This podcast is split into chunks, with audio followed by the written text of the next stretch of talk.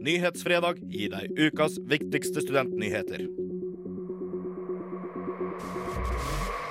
Over halvparten av sykepleierstudentene ved Høgskolen i Oslo og Akershus strøk på eksamen forrige semester. Strykprosenten i innføringsevne er dobla fra året før. Vi har ingen god forklaring på det store skiljet mellom de to åra, sier Dag Karterud, instituttleder på høgskolen. Til høsten vil en splitte opp fagene i to eksamener, sier han. BI Studentersamfunn arrangerte vinterleiker med sponsorinntekter fra det utenlandske tippeselskapet Betsafe. Det fikk Lotteritilsynet til å reagere. Studentersamfunnet trekker nå tilbake ulovlig reklame. Utdanningsinstitusjonene dekker jukseutgifter. I 2013 brukte Høgskolen i Oslo og Akershus, Universitetet i Oslo og BI 605 000 kroner på studenter sine advokatutgifter i samband med juksesaker. Utdanningsinstitusjonene er pliktige til å dekke utgiftene, sjøl der studentene er skyldige.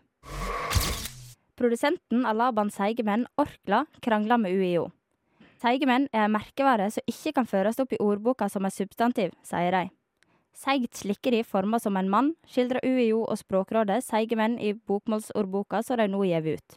Vi ønsker ikke å tillate at merkevaret vår blir vatna ut. Derfor tar vi denne saka opp med UiO, sier Marte Schumacher, kommunikasjonsrådgiver i Orkla.